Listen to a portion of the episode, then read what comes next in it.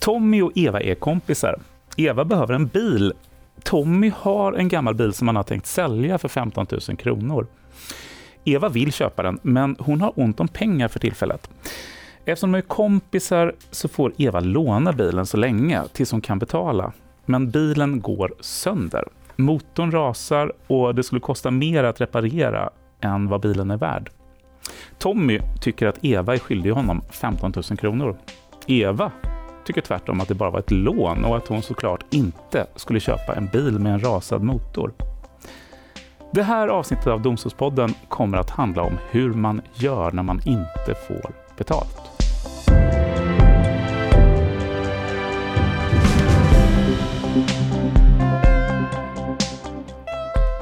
Och jag säger varmt välkommen till Domstolspodden Liselott Larsson, verksjurist, tidigare kronofogde på Kronofogdemyndigheten. Mm, tack så mycket. Kul att du ville vara med i Domstolspodden idag. Ja, kul att få komma.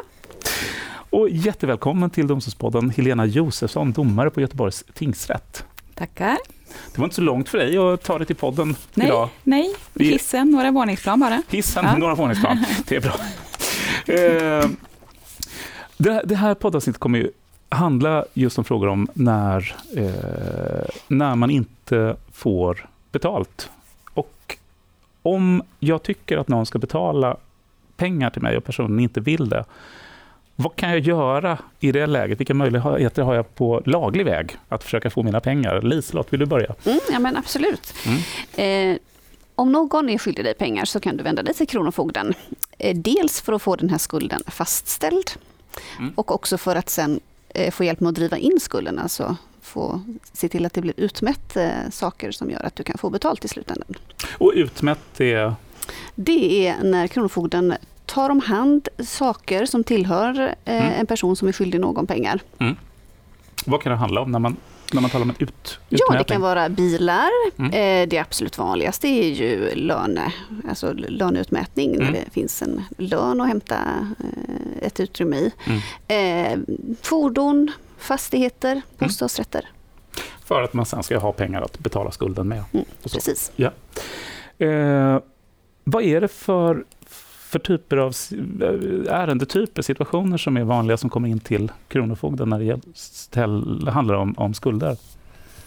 Eh, Kronofogden har hand om eh, alla möjliga typer av skulder. Om vi mm. ser till ansökan om betalningsföreläggande då, som är den process där man får skulden fastställd, eh, så kom det förra året in 1,3 miljoner ansökningar, så det är en väldigt stor mängd. Jösses.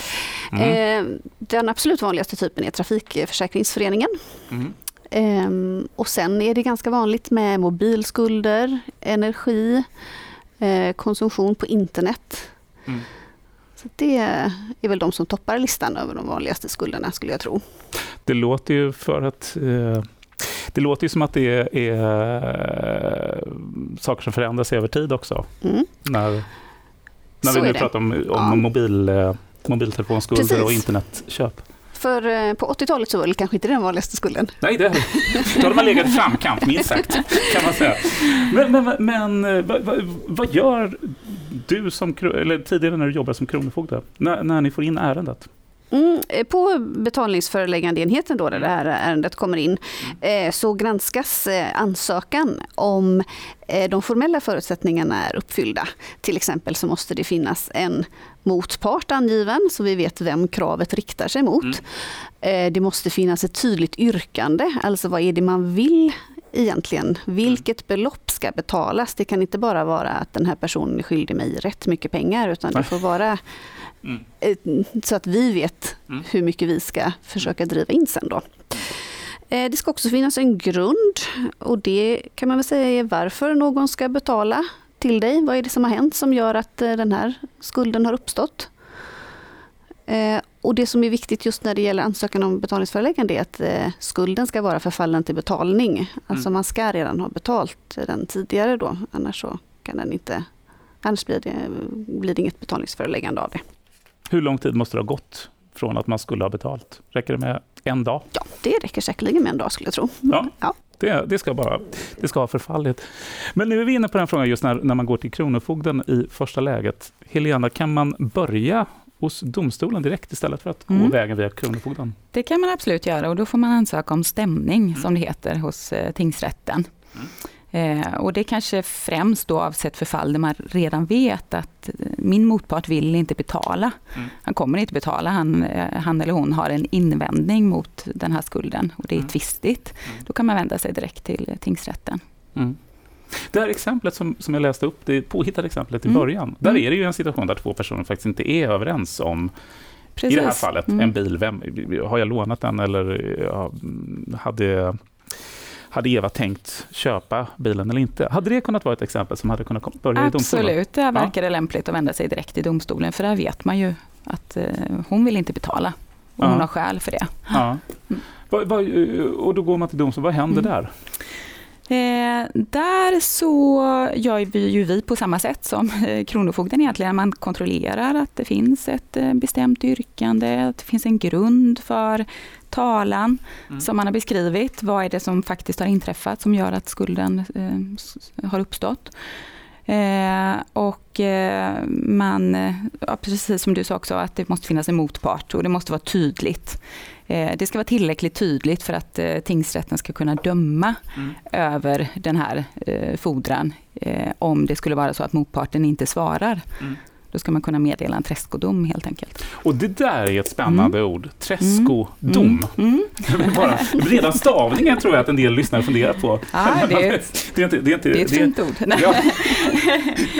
Nej, men det är ju alltså, träska är ju när man inte vill, när man sätter sig på tvären helt enkelt. Och träskodom kan man få emot sig om man till exempel inte kommer till ett sammanträde som tingsrätten har kallat Mm. till.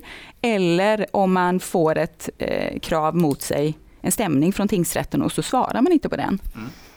Eh, då får man ett träskodom och det innebär ju bara att tingsrätten inte Tingsrätten går inte in i någon prövning Mm. av om skulden är riktig eller inte, utan man eh, dömer så som den som har ansökt om stämning vill att Mm. man ska döma. Mm. Nu var vi inne direkt i hur det, kan, eh, hur det kan gå när man vänder sig till domstolen i första läget. Men, men Liselott, ni flyttar över ärenden också från Kronofogden till domstolen. Jo, men det Varför? stämmer. Vad, vad, vad och när och varför och hur? Ja, ehm, efter att den här formella prövningen har gjorts, då, som jag nämnde inledningsvis, Mm. så skickar vi ett betalningsföreläggande till Mm. svaranden, alltså den personen som man vill ska betala. Mm. Och då får den personen eh, den ska delges, alltså ta emot de här handlingarna Mm. och sen ha möjlighet att ta ställning till om det här kravet är riktigt eller inte. Mm. Så att antingen kan ju då den här personen betala eh, eller så kan eh, han eller hon bestrida Och när man bestrider så... då invänder man mot skulden. Man tycker Mm. alltså att den är felaktig på något sätt. Men kan det innebära både att man säger så att nej, jag är överhuvudtaget inte skyldig dig pengar, eller att man säger att jag är skyldig dig, men jag är bara skyldig hälften så mycket? Mm, precis. Så kan det vara. Man kan bestrida på vilket sätt som helst Mm. och när det gäller just eh, betalningsföreläggande-processen Mm. då räcker det med att du skriver ordet bestrider eller invänder. Du behöver inte ange några skäl till varför du Nej. tycker att det är fel. Eh, om du inte gör någonting alls, du skriver inte till oss och säger att det är fel, du betalar inte skulden eller du kanske skriver och tycker att ja det stämmer, jag är skyldig den här personen pengar. Då meddelas ett utslag som är ett beslut på att du är skyldig att betala de pengarna. Mm. Men det händer inte om man bestrider. Mm. I det läget så får eh, sökanden bollen över på sin sida kan man säga. Mm. Eh, vi underrättar sökanden om att nu har det kommit in ett bestridande och då får eh, sökanden, alltså den personen som vill ha betalt, bestämma sig för att tycker jag att jag ska gå vidare med det här till tingsrätten eller vill jag inte göra något mer? Och så får man återkoppla sin ställning till Kronofogden. Mm. Och vill man då att det ska lämnas vidare till tingsrätten så ser vi till att det sker. Då, ja. Hur är, det, är det vanligt att man går vidare till, till tingsrätten? Nej, det är inte jättevanligt skulle jag säga. Om det nu var 1,3 miljoner som ansökte Ja. eh, om betalningsföreläggande förra året så blir det utslag i ungefär hälften av fallen, i 600 000 fall. Eh, och ungefär 6% av de handlingar som betalningsföreläggande ansökningar som kommer in bestrids. Och det är bara 13 000 som går vidare till tingsrätten. Så Mm. det är ju bara 1% om jag har räknat rätt av den totala Ja, vi får, vi får hoppas att uh, lyssnarna inte går in och hårdgranskar. Jo, men det, jag tror att det stämmer. Det gör det säkerligen. Men och då är vi, då är, eh, då är vi tillbaka. Då får, uh, Helena, mm. då får du och dina kollegor på tingsrätten, mm. ni får helt enkelt in ett, ett då mål. Då får vi den här överlämnande ja. skriften. Då. Det kommer en skrift från sökanden. om man, om man mm. tar ett typ, typexempel. Vi säger, ja, uh, det kan helt enkelt handla om, ja, det kan handla om två mm, privatpersoner. Ja, det kan det göra. Det, vi, vi, det kan handla om vad som helst. Ja. Och det som är när det är hos eh, ett betalningsföreläggande mm. hos Kronofogden, det kan röra ett ganska litet belopp och det kan röra ett stort belopp. Alla de eh, målen handläggs på samma sätt. Men säg mm. att det är en, en hantverkare som har utfört en tjänst. Ja och anser att eh, den här mm, personen är skyldig honom eller henne mm. 10 000 kronor för jobbet. Mm. Då kan eh, denna personen ansöka om betalningsföreläggande och tycker då den som har köpt tjänsten att eh, nej, jag är inte betalningsskyldig mm. eller eh, det var fel på den här väggen som har målats eller vad det nu kan mm. vara. Då bestrider man och då, om hantverkaren vill, så hamnar det i tingsrätten. Ja, Precis. Och då kommer den här med, jag, jag, vi hade, jag, och det, det, är två helt olika um, inställningar ja. det handlar om här också. Vad Precis. gör ni när ni får in det här? Ja, men då, Helena. då, om vi får någonting överlämnat till oss från Kronofogden, då sorterar vi först upp, är det här ett eh, förenklat tvistemål, som man kallar det, rör det ett mindre belopp, ett belopp som är under ett halvt basbelopp. Och alltså hur mycket runt, pengar är det? Det är 23 000 250 kronor är ett halvt basbelopp. Så då kan man bara passa och egentligen säga att mm. det exemplet i början mm. eh, med bilen, 15 000, det hade definitivt kollat in då Det hade blivit ett förenklat tvistemål. Ja. Eh, eller så är det ett vanligt tvistemål mm. och man, man har de här två olika sätten att handlägga. Mm. Ett förenklat tvistemål, det är ett lite mindre eh, det gäller vissa särskilda regler om vilka kostnader man kan få ersättning för. Mm. Man kan inte få en massa ersättning för advokatkostnader och så. Nej. Eh, och så är det alltid bara en domare som avgör de målen. Eh, I ett vanligt tvistemål som rör större belopp, där kan det ibland vara tre domare som avgör målet. Mm. Men då, ja, men då ser vi, är det ett förenklat tvistemål eller ett vanligt tvistemål? Och så får sökanden då betala en tilläggsavgift först, för det mm. kostar alltid pengar, både när man vänder sig till Kronofogden och till tingsrätten. Eh, och den här tilläggsavgiften måste betalas för att vi ska börja handlägga målet överhuvudtaget. Och eh, när man har kommit så långt så tittar vi på sökandens eh, ansökan till Kronofogden först. Mm. Eller om det är en stämning, så ser vi Eh, har vi tillräckligt mycket underlag här för att kunna fortsätta med målet? Ibland måste man begära in en liten komplettering. Mm. Då kanske vi skriver eller ringer till sökanden och säger att Nej, men nu får du utveckla det här eller det här lite inom en viss tid. Sen när det är klart, det är tillräckligt eh, tydligt vad som begärs eh, och grunder för det, så tittar vi även på svaromålet, då, eller svaret som har kommit till Kronofogden. Finns det ett välmotiverat bestridande där, så kanske det räcker som ett svar även för vår handläggning. I så fall sätter vi ut målet till muntlig förberedelse vanligtvis. Eh, muntlig förberedelse, vad, vad, är, vad är det? Jo, det är ett eh, sammanträde där båda parter kommer till tingsrätten. Man eh, har sammanträdet under ledning av en domare. Mm. Eh, och där så reder man ut målet, man eh, ser så att det är tillräckligt tydligt vad som begärs. Man, eh, svaranden, eller den som är motpart då, mm. som har ett krav mot sig, får utveckla varför den personen inte vill betala. Man reder ut målet så att det är väldigt tydligt vilka ståndpunkter parterna har. Och, och i praktiken då med, med det mm. exemplet som Liselott skissar här på, mm. en, en hantverkare och mm. en kund man är oense. Då, då, alltså, I det läget är det egentligen bara att domstolen ska få klart för sig så att ja, men hantverkaren går igenom. Det här har jag gjort och det här vill jag ha betalt för. Ja. Och kunden kan då säga så här, ja, fast jag vill ju inte ha en brun vägg, jag vill ju ha en vit vägg. Precis, så, varför, ja. varför ska jag inte betala ska hantverkaren? Betala? Och det blir eh, tydligt vad de är överens om mm. och vad de inte är överens om. Eh, och sedan när man har gjort det så planerar man hur målet ska handläggas vidare. Eh, parterna kanske vill eh, ha olika bevis som de vill lägga fram. De kanske vill höra ett vittne mm. eller kanske skriftliga handlingar. Eh, om man vill höra ett vittne, då eh, behöver man ha ytterligare ett sammanträde som man lite längre fram, som man då kallar för huvudförhandling. Mm. Eh, och där går man igenom hela målet, lägger fram bevisning och sedan dömer tingsrätten. Och, och jag måste fråga här, för att mm. jag tror att många som, eh, som lyssnar kanske har klart för sig i en, i en brottmålsprocess, när vi mm. pratar om ett brott, ett misstänkt brott har begåtts. Där förstår man vad vittnens roll kan vara. Mm. Jag säger vad såg jag eller vad, mm. vad hörde jag? Så. Mm. Vad, kan, vad är poängen med ett vittne i ett tvistemål här? Det kan ju vara samma här egentligen. Det kan ju vara ett vittne som har varit med när hantverkaren och ja. kunden kom överens om vad som skulle göras. Jo, men eh, hon sa att hon ville ha en brun vägg ja. eller sådär. Eh, och därför och så ska hon betala här, för det. Ja, så här, ja. nej det är bara min dialekt. Ja. Som, som, ja, nej, ja, men det kan vara. Om det handlar om ett avtal så kan det vara sådana saker. Så någon som har hört vad som har sagts när man kom överens om vad som skulle göras mm. helt enkelt. Eh, och det var ju det, då har man ju planerat för den fortsatta handläggningen då. Men eh, Eh, avslutningsvis också i, vid den här muntliga förberedelsen, det här första sammanträdet, så tar man också upp frågan om parterna kan komma överens utan att tingsrätten Just dömer. Det. Ja. Och det är väldigt vanligt att man gör det. Mm. Eh, och det finns ju uppenbara fördelar med att göra det. Dels för att man, man får ett snabbt avslut, man kommer överens istället för att man ska tröska det här i tingsrätten.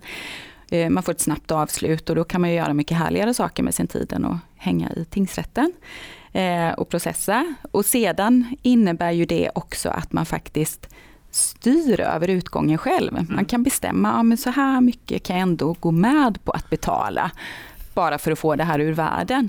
Eh, om man inte gör det så överlämnar man ju alltihop i slutändan till tingsrätten och så får tingsrätten bedöma vad är bevisat och inte bevisat eh, och då man förlorar ju kontrollen, man vet ju aldrig hur det kommer att gå. Och även om man tycker att man har rätt mm. så är det inte säkert att man kan bevisa att man har det. Till exempel om någon påstår att eh, ja, men vi har ett avtal om det här eh, då måste man bevisa det för att kunna få framgång med sin talan. Och det kanske man inte kan. Och då får man väl göra en liten bedömning där vid förberedelsen. Vad har jag för, har jag ett bra case eller inte? Hur aktiv är du som domare i den här typen av mål? Mm. Alltså just mm. när det gäller att, att trycka på värdet av mm. att komma till, för det är, förlikning heter väl detta ja, när man kommer överens? Ja, ja. Alltså när man, att, att det är bättre att ni kommer överens här och mm. nu än att mm. vi kör hela vägen med Mm. Jag skulle säga att man, oftast är man väldigt aktiv. Ja. Eh, och det är också meningen att man ska vara det. Man ska undersöka möjligheterna. Ja. Eh, och det är inte för att vi inte vill döma i målet, eh, utan det är just för att eh, det är bra för parterna ofta om de kan komma överens istället för att man ska mm. gå hela den här processen. Mm. mm. Och ofta så får man då prata, eh, domaren pratar med ena parten i taget, så man pratar i en rum och så bollar man här fram och tillbaka och man kanske växlar bud och sådär. Ja, för jag vet när det för ett par år sedan med tv dokumentärserien ja. Domstolen friad eller fälld. Då var det också bilder från just de här tvistemåls, eh, just förlikningssamtalen. Mm. Att gå fram och tillbaka mellan. Mm. Det, är så, det är så man gör. Alltså. Mm. Man, ja, det är det vanliga. Ja, är det kul? Det är ja, det är jätteroligt. Ja, ja. Absolut. och parterna ofta ganska nöjda efteråt också, eller lättare tänker jag, att de får, ja men nu är det här klart, det är ur världen, nu kan jag göra någonting annat istället. Mm. Ja, vi har kommit fram till en, eh, ett inslag i Domstolspodden som eh, jag måste säga tycker särskilt mycket om och det är en lappövning. tar jag Domstolspodden-pennan och sprättar upp det hemliga kuvertet. För i det här kuvertet så har jag tillsammans med övriga i poddredaktionen tagit fram lite ord som vi tänker att när vi pratar om frågor kring just det som, eh, som eh, Helena pratar också om, tvistemål. Det finns en massa begrepp och det är begrepp som för omvärlden säkert är rätt svåra emellanåt. Och då går den här lilla övningen ut på att ni ska dra en lapp i taget var, läsa upp vad det står på lappen och förklara så begripligt som möjligt vad betyder det här. Liselott, vill du börja? Mm. Nu får man bekänna färg. Ja. Och då fick jag ordet träskodom. Och det förklarade ju faktiskt Helena här lite tidigare. Mm. Det är eh, en dom som meddelas av tingsrätten utan att tingsrätten har prövat eh, sakfrågan. Och den meddelas då för att någon antingen uteblir från ett sammanträde som man är kallad till, mm. eller inte svarar på en stämning. eller svarar blankt är det väl till och med. Man måste väl motivera? Ja, man måste komma in med ett motiverat Ja. svar. Ja, annars kan man få en träskodom mot sig. Och då vill jag bara ta upp stavningen där också, för då är det T-R-E-D-S-K-O. Jag har sett Yes. stavningen T-R-Ä-S-K-O också, Jaha, men den är fel. det är fel. Det är fel. Helena, då är det din tur. Ja, Spännande. Ja. Ja. Oj, betalningsanmärkning. Det, det skulle vara bättre för dig att svara Ja, på men det är lite spännande, det är lite spännande. här nu. Nej, men det är ju eh, att man, eh, till exempel om man får ett eh, utslag mot sig, va? eller en träskodom, eh, så eh, hämtar kreditupplysningsföretagen in information om det. Och då kan de göra en anteckning i sina register att nu har den här personen fått den här domen mot sig eller har den här skulden. Eh, Så det är ju ingenting som varken tingsrätten eller Kronofogden sysslar med utan det är kreditupplysningsföretagen. Mm. Precis, de hämtar sina uppgifter från bland annat Kronofogden och tingsrätten. Men poängen med en betalningsanmärkning, om jag får en sån emot mig, vad får det för konsekvenser? Det kan få ganska stora konsekvenser för dig, eh, för det är ju en anteckning som finns om att det är något problem med betalning vad Mm. gäller just dig.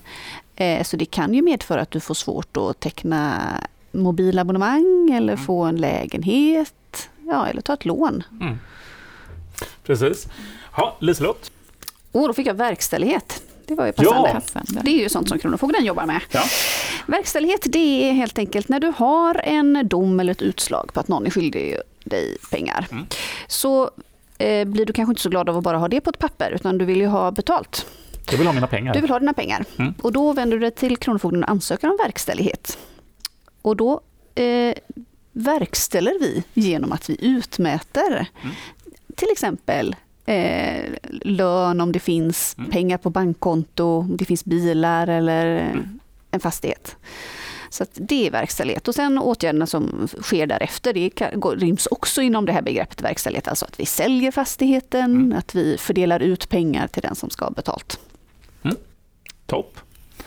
Svarande, Mm. det är ett ord som vi använder väldigt ofta på tingsrätten. Det är svarande i ett mål. Mm. I ett mål finns det en kärande och en svarande i ett tvistemål. Kärande är den som, ja, nu kanske jag föregriper en annan lapp här. Ja, nej, men Men kärande är den som vill någonting, den som Mm. ansöker om stämning i tingsrätten. Svarande, det är den som får en stämning emot sig. Mm. Så den som måste svara i målet helt enkelt. Bra. Mm. Och även i processen om betalningsföreläggande så finns det en svarande Ja. på, samma, Mm. på samma position kan man säga. Men vi har inte kärande på betalningsföreläggande utan heter sökande. Sökande. Ja. Liselott, en ny lapp. Undrar vad det kan stå på den? Ja. Utslag står det på den. Eh, och det är eh, i den här betydelsen får man säga. Ja, precis. Det kan ha en medicinsk eh, förklaring också som inte jag tänker gå in på. Men... Men- Vi får ta i i medicinpodden sen. Precis, det är en annan podd. Mm. Men i den här podden så skulle jag förklara det som att eh, när eh, ett betalningsföreläggande inte bestrids, alltså man invänder inte mot det, Nej, okej. så resulterar det i ett utslag Mm. som är helt enkelt det är ett beslut på att svararen är skyldig dig de pengar som du ansökt om från början. Just det. Du säger att jag är skyldig dig 200 kronor och jag säger att ja, det stämmer ju. Ja, eller så säger du ingenting alls. Eller Du- säger ingenting mm, alls. Då, då eh, fastslås det i ett utslag att den skulden finns. Yes. Dom, det är ju då vår tingsrättens motsvarighet till utslag. Ja. Eh, och det är ju när tingsrätten har prövat målet. Det kan vara en träskodom eh, på grund av ute, utevaro, men det kan också vara en dom efter att man har prövat målet, Anna, antingen genom skriftlig handläggning eller efter en huvudförhandling med bevisning och så vidare. Mm. yes. Ja. Och där man förklarar vad, vad ni har kommit fram till och varför. Ja, precis. Ja. Mm. Och så sista lappen Liselott, Mhm. den blir din. Det blir min.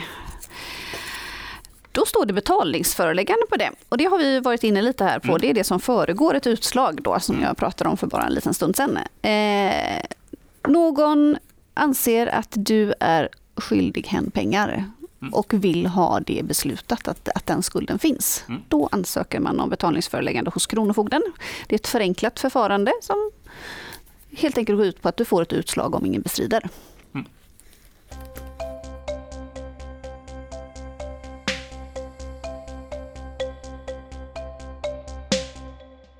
Ja, men I ett läge där det finns en dom, domstolen har meddelat en dom eh, i en fråga om en skuld. Vad händer då? Mm. Helena?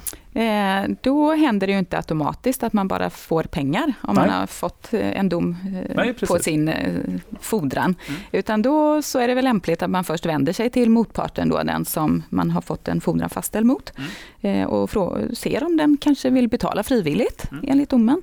Och gör hen inte det så får man vända sig till Kronofogden med sin dom och begära verkställighet helt enkelt. Och det måste man göra själv alltså? Ja. Som part? Ja, det är inget som händer automatiskt. Det är inget som händer automatiskt. Nej. Ja, med vissa undantag. Mm. Ja. Nej, precis. När det gäller ett betalningsföreläggande så kan man ha kryssat i ansökan, mm. har jag för mig nu, så länge sedan jag såg mm. blanketten, mm. att det ska ske automatiskt. Men mm. annars så måste du eh, vara aktiv där och gå till Kronofogden. Mm. Och det Kronofogden gör då är att vi först och främst underrättar vi svaranden om att nu har det här lämnats in till oss. Eh, den här personen anser att eh, du är skyldig att betala det som framgår av den här domen. Eh, och då har hen en viss tid på sig att ja, antingen betala då, mm. eller eh, invända. Nu, återigen så är vi inne i det här nu, men kan man också bestrida igen. Ja. Men då kan man inte bestrida och tycka att någonting är fel som man borde ha sagt redan i tingsrätten när saken Nej. prövades, utan det får vara någonting som har hänt därefter. Mm. Till exempel att efter att den här domen meddelades så har jag faktiskt betalt. Mm. Eller efter att domen meddelades så har, den, har skulden preskriberats för att nu är den så gammal. Mm. Så det får vara någonting som ligger i tiden efter domen. Så där har man en möjlighet att bevaka sin rätt under tiden som vi mm. underrättar om den här skulden, att den har kommit in till Kronofogden. Eh, hör vi inte någonting från personen då så påbörjas det en tillgångsutredning hos Kronofogden. Då söker vi igenom olika register och på andra sätt eh, undersöker vad det kan finnas här eh, för saker som skulle kunna ha ett värde som skulle kunna utmätas. Vad, vad, vad är det ni kollar efter då? Är det liksom bankkonton? Och... Ja, precis. Bankkonton. Vi skickar också en, att du själv får fylla i vilka mm. tillgångar du har, alltså en inkomstredogörelse. Mm. Eh, och du har någon arbetsgivare som, där det kan pågå en löneutmätning då. Mm.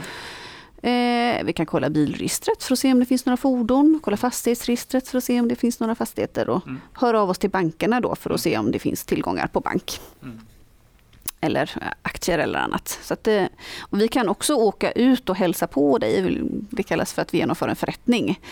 Eh, för att se om det finns saker i ditt hem som skulle kunna ha ett värde. Mm. Och då är det ju inte så att Kronofogden utmäter din säng eller din soffa om du har det i normal standard. Men mm. däremot om det finns jättedyra guldsmycken mm. eh, som inte har något affektionsvärde då eller om du har en väldigt flott tv-anläggning mm. som är värd kanske flera hundratusen då kan den utmätas. Då kan den utmätas. Och när den har utmätts, då säljer ni den då? Då att... säljer Kronofogden ja. Eh, den. Vi ser till att, eh, att det blir sålt och Eh, sen om det kommer in pengar då för att vi får sålt det så ja. fördelar vi ut det till den som har ansökt om verkställighet. Då, ja. Så att skulden blir betald. Men om man tar, eh, jag är lite fascinerad av eh, det här inledande exemplet med tvisten om 15 000 kronor för en bil. Vi säger att det hade gått hela vägen via en dom och sen så vill Eva fortfarande inte hon har inte betalat efter domen, det går till Kronofogdemyndigheten. Vi säger att Eva i sitt hem har eh, någonting som är värt, som ni kan få in, vi säger 25 000 kronor för. Eh, och bilen var, hade ett värde på 15 000, det är det hon ska betala. Vad händer med resten av pengarna? Får hon 10 000? Ja. Det, då ska vi säga att det vanligaste situationen när det kan hända, ja. det är om vi utmäter en fastighet. Ja. Eh, och då utmäter vi inte kanske en fastighet för en skuld som är väldigt låg. För nej, att det nej, finns nej, eh, eh, regler som vi ska ta hänsyn till i Europakonventionen och liknande. Eh, men där kan det uppstå ett övervärde. Mm. Säg att du kanske har en skuld på en miljon men din fastighet är värd tre miljoner. Mm. Då kan ju där uppstå ett övervärde och då kommer de pengarna betalas tillbaka till gäldenären då, mm. när fastigheten är såld. Mm. Men det är det som kan hända efter att vi har en dom Precis, och finns det inga tillgångar, eh, då upprättar Kronofogden en utredningsrapport som är helt enkelt en, eh, en förteckning över vilka åtgärder vi har vidtagit och att vi inte hittade mm. peng, tillräckligt med pengar för att betala den här skulden. Men då kan jag stå kvar där och fortfarande, jag har, jag har rätt i domstol att få mm. mina pengar, men jag, kan, jag får dem fortfarande inte. Nej. De, de vill jag ju ha. Mm. Vad gör jag då? Nej du, då får du väl ha tålamod skulle jag säga och se om ja. det... Din ansökan om verkställigheten kan ju ligga inne i flera år. Ja. Kanske hittar vi något nästa gång vi letar efter tillgångar hos den här personen. Du själv kanske har fått ett tips på att den här personen har en båt liggande någonstans eller tillgångar som inte vi har, har kunnat hitta. Då kan du tipsa Kronofogden om det så får vi undersöka det. Mm. Och det, det, andra perspektivet, hur går det för den, alltså den som då är skyldig mig pengar? Ni har, gjort, Eh, ni har gått igenom vad har hen för tillgångar? Hur på, påverkas hens liv på något sätt av att eh, det finns en dom och Kronofogdemyndigheten har undersökt vad har jag för tillgångar, vad äger jag och så. Påverkas livet för den personen? Eh, om vi gör en utmätning så klart att livet påverkas på så sätt att den saken du hade, det kanske var din eh, bil vi tog som du tyckte jättemycket om och som du har haft jättemånga år. Mm. Det är klart att du blir påverkad i det läget. Mm. Eh, eller kanske man får löneutmätning, tänker jag väl väldigt vanligt. Ja, precis. då får man ju liksom, då får man eh, betala pengar till Kronofogden varje månad av sin lön. Ja. Och det kan vara under ganska lång tid då? Ja, ja tills skulderna blir fullbetalda. Mm. Eh, om man har väldigt mycket skulder, eh, då kan man ju se om man kan få skuldsanering. Och det är ett begrepp som jag tror många har hört talas om, mm. skuldsanering. Vad är det, hur funkar det? Det är också en process som finns hos Kronofogden.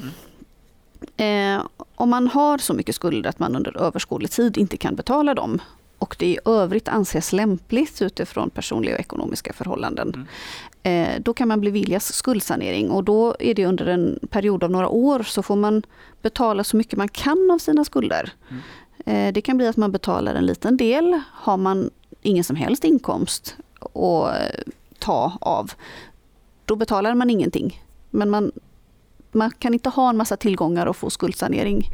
Utan tillgångarna ska försöka gå åt till att betala en skulder. Och då är det ju vanligtvis lönen då som, ut, mm. som inte, det blir inte en utmätning då utan då blir det att man, att man betalar eh, till sina borgenärer. Mm. En viss del. Och sen när den här perioden är klar så är då är man fri från de skulderna som ingick i skuldsaneringen. Och då är det ju väldigt viktigt att man inte har dragit på sig nya skulder mm. under tiden, för att de skulderna ingår inte. Så att, eh, men det blir ett sätt att liksom komma på fötter igen. Mm, Men för de, för, de som inte, för de som då är, som du säger, borgenärer, de som har eh, haft pengar att eh, kräva tillbaka, de får bara det som kan Precis. komma ut ur detta. Ja. Mm. Och de är också involverade i den här processen ja, ja. när det bestäms om det ska bli skuldsanering eller inte. De kan ju invända att nej, men den här personen har inte försökt göra rätt för sig. Nej. Det är inte rimligt att hen får det. Eh, och så får man ju pröva det. Då. Mm.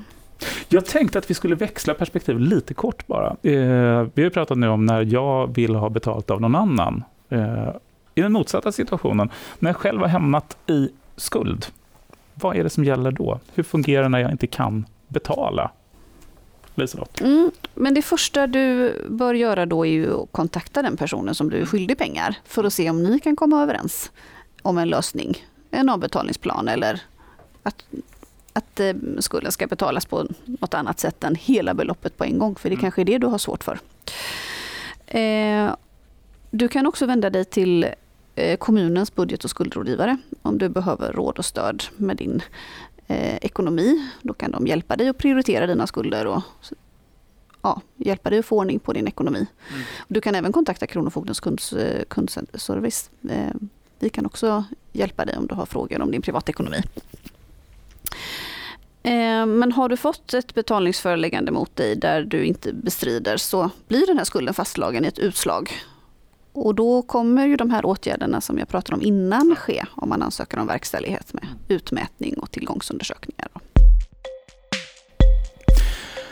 En annan fråga som är eh, som ju har aktualitet är eh, det som kan hända när om jag får en faktura som jag känner att det här är faktiskt inte en vara som jag har beställt, jag är rädd för att det här kan vara en faktura från ett bluffföretag. Eh, om jag misstänker det, vad gör jag i ett sånt läge? Helena? Ja, men om du har fått en faktura där du ser att men det här har inte jag, jag har inte beställt den här Nej. tjänsten eller den här varan eller så. Då är det väldigt viktigt att man bestrider kravet, som man säger, att man eh, talar om för den som kräver dig på pengar att eh, det här, jag har inte beställt det här, jag kommer inte betala. Och att är viktigt att man också dokumenterar det skriftligt. Man kanske mejlar eller så, sparar man mejl. Och det, det, här, nu är vi nästan inne mm. i konsumentupplysningsdelen, mm. vilket är ju jättebra. Mm. Så när man mm. bestrider en faktura, vad, vad, ta det igen, vad är det man ska göra? Ja, men man ska vara väldigt tydlig, tala om att man inte vill betala och varför man inte vill betala. Till exempel att jag inte beställt det här. Mm. Och så, ska man eh, och så dokumentera det. Dokumentera, man tar en, kopia, en skärmdump eller så? Ja, ja spara ditt mejl eller så. Ja. Ehm, och sedan kan ju, och jag ska säga också just detta om blufffakturor, det finns väldigt fin information på er hemsida, på mm. Kronofogdens hemsida. Mm vad man ska tänka på och hur man ska göra. Och, för, och, i alla led tänker jag, om, om det här företaget då går vidare och Eh, kräver dig på pengar hos Kronofogden eller genom en stämningsansökan så är viktigt, tala alltid om, svara alltid på kravet. Tala om att du inte vill betala och anser att fordran är felaktig. Ja. Jätteviktigt. För annars riskerar man ju det här att man kan få ett utslag mot sig mm. eller att man kan få en träskodom mot sig i tingsrätten och då kan man få betalningsanmärkningar. Precis, för jag tror att många som lyssnar eh, någonstans så är man väl genuint rädd för tanken på att det här kan få konsekvenser. Det kan komma, och så tänk, det kan komma en betalningsanmärkan.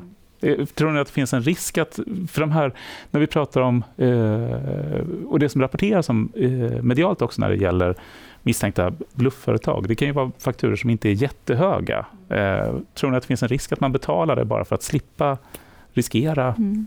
någonting? Det är ju bara spekulation från min ja, sida, men jag, tror, jag föreställer mig att ja. det finns personer som betalar fast de inte borde göra det egentligen. Ja. Jo men så är det, man kan ju vara rädd för att eh, man kan vara rädd för processen i sig. Mm. Eh, man kanske blir jätteskrämd av att få dels papper från Kronofogden eller att eh, hamna i tingsrätten och behöva mm. ha en rättegång där. Det kan också vara så att man kanske inte läser, om det nu kommer ett betalningsföreläggande hem, man kanske inte läser igenom det så noga namnet kanske påminner om någonting. Man kanske tänker att ja, men det är ytterligare en av mina eh, lån jag har tagit. Jag har tagit mm. ganska många det senaste. Och då gör man ingenting. Så det viktiga är här, som vi verkligen vill skicka med, är att vara aktiv, läs igenom, bestrid om du anser att det är felaktigt. Mm. Eh, dels som Helena var inne på här redan när du får fakturan från det här företaget att du bestrider dem. Mm. Även när du får ett betalningsföreläggande eh, från Kronofogden och du anser att det är felaktigt, bestrid. Eh, och skriv då gärna att du tycker att det här är, det här är någonting du inte överhuvudtaget har beställt. Mm.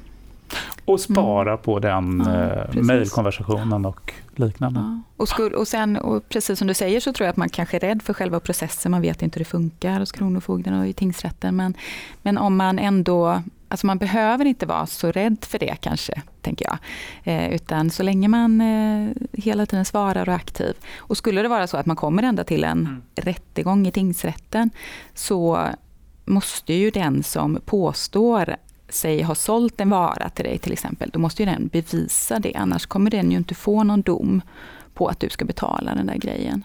Eh, så det blir ju en bevisfråga i slutet. Eh, mm. Ja. Så man behöver inte vara rädd för det, men viktigt att vara aktiv. Ja, mm. och det är ju aldrig fel då att spara sin egen dokumentation på vad mm. man själv har att man själv har bestridit fakturan ja. när den kom. Precis. Mm. Viktiga avslutande ord i ett samtal som har handlat om eh, inledningsvis väldigt mycket frågan om, om när jag anser att någon är skyldig mig pengar och nu mot slutet det motsatta perspektivet. Eh, vi har pratat om, om frågor som har eh, fokus på skulder, mindre belopp. Förklarat ett antal begrepp som kopplar till de frågorna och eh, speglar eh, väldigt mycket av det som ni arbetar med på Kronofogdemyndigheten och på tingsrätten när det gäller tvistemål. Eh, jag tänkte bara inlednings, eller avslutningsvis, avslutningsvis fråga Liselott, är det något som du vill eh, lägga till eller någon reflektion du har gjort efter samtalet? Oj då, ja, det känns som att vi har haft ett långt samtal ja. här. Men det vi pratat om här på slutet tycker jag ändå att det, det är det viktiga. Att eh, vara aktiv även om du kanske känner att du inte orkar just nu så är det mycket lättare att bestrida direkt när du får fakturan eller betalningsföreläggandet än att du sen ska behöva harva med det i ett senare skede. Det är inte heller så lätt att, få undanröjt om det, eh, om det har blivit ett utslag. Mm. Om man agerar först när Kronofogden eh, kanske kontaktar dig för en löneutmätning eller något liknande. Utan direkt när du får fakturan eller betalningsföreläggandet så bestrider Så även om det är trist så är det bättre att bita i det äpplet direkt än senare? Ja, om du, om du tycker att det är felaktigt så måste du vara aktiv själv. Ja. Och, om man, och motsatt då, om man tycker att det är, det är faktiskt en, rikt- det är riktigt, Ja. jag är skyldig de här pengarna. Ja. Då är det ju lika bra, tänker jag, att man inte håller på och bestrider bara för sakens skull. För ju längre processen går, och jag motsätter mig kravet, så bygger det ju på kostnader för själva processen som man eh, som förlorande part då måste betala i slutändan. Mm. Eh, ja. Och med det sagt så skulle jag vilja säga Helena Josefsson, domare i Göteborgs tingsrätt, stort tack för att du vill vara med i Domstolspodden. Tack, det var jätteroligt. Det var kul att höra. Och Liselott Larsson, verksjurist och eh, kronofogde på Kronofogdemyndigheten. Jättetack för att du kom och var med i Domstolspodden. Mm, tack för att jag fick komma. Så kul att ha er med båda två. Eh, och med det sagt så säger Domstolspodden tack för idag. Om ni vill komma i kontakt med oss som gör Domstolspodden så kan ni antingen mejla till domstolspodden snabeladom.se eller skriva till oss på vår Facebook-sida eh, som ni hittar på Facebook. Eller rent av skriva till oss på Twitter och då använda hashtaggen Domstolspodden. På återhörande.